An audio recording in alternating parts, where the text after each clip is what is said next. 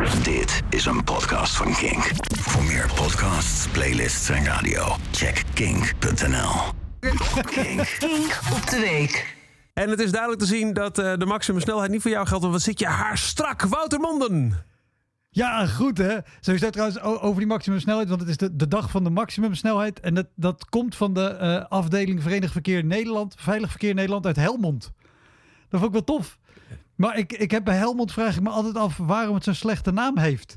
Want dat is altijd, Helmond heeft een slechte Dat is hartstikke mooi. Ik ben, er, ik ben er een keer geweest, het was het winter. Het was schitterend, weet je. Alles was wit, behalve de daken. Hartstikke mooi. Nou goed. Maar afgelopen week overleed cabarethheld Jeroen van Merwijk. En Jeroen van Merwijk maakte ooit de grap... Ik haat watersport, maar misschien is het asociaal van mij... om geestelijk minder bedeelden hun pretje te misgunnen. nou, dat heb ik met motorsport. Ik woon namelijk vlakbij zo'n mooie, rustige dijk... die doet denken aan dat beroemde gedicht, weet je? Zo, denkend aan Holland zie ik brede rivieren... traag door oneindig laagland gaan. Rijden, ondenkbaar sneller motorfietsen... met dikke pluimen over de maximumsnelheid gaan. Maar als je klaagt over motoroverlast... is er altijd een motorrijder als de kippen bij... om je uit te leggen dat je helemaal geen overlast van motoren kan hebben. Nee, want van alle motoren is er maar een klein deel dat overlast veroorzaakt. Ja, de uitlaat. Toegegeven, er zijn motoren met beschaafd geluid. Maar een hele groep daarvan maakt alsnog herrie.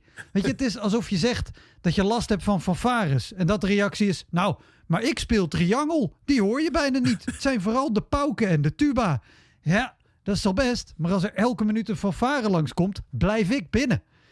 Eh, dat pedante uitleggen waarom je helemaal geen overlast kan hebben, heeft trouwens een naam. Dat heet motorsplenen. En Zelfs de lichtste motor mag wettelijk gezien evenveel geluid maken als een vrachtwagen.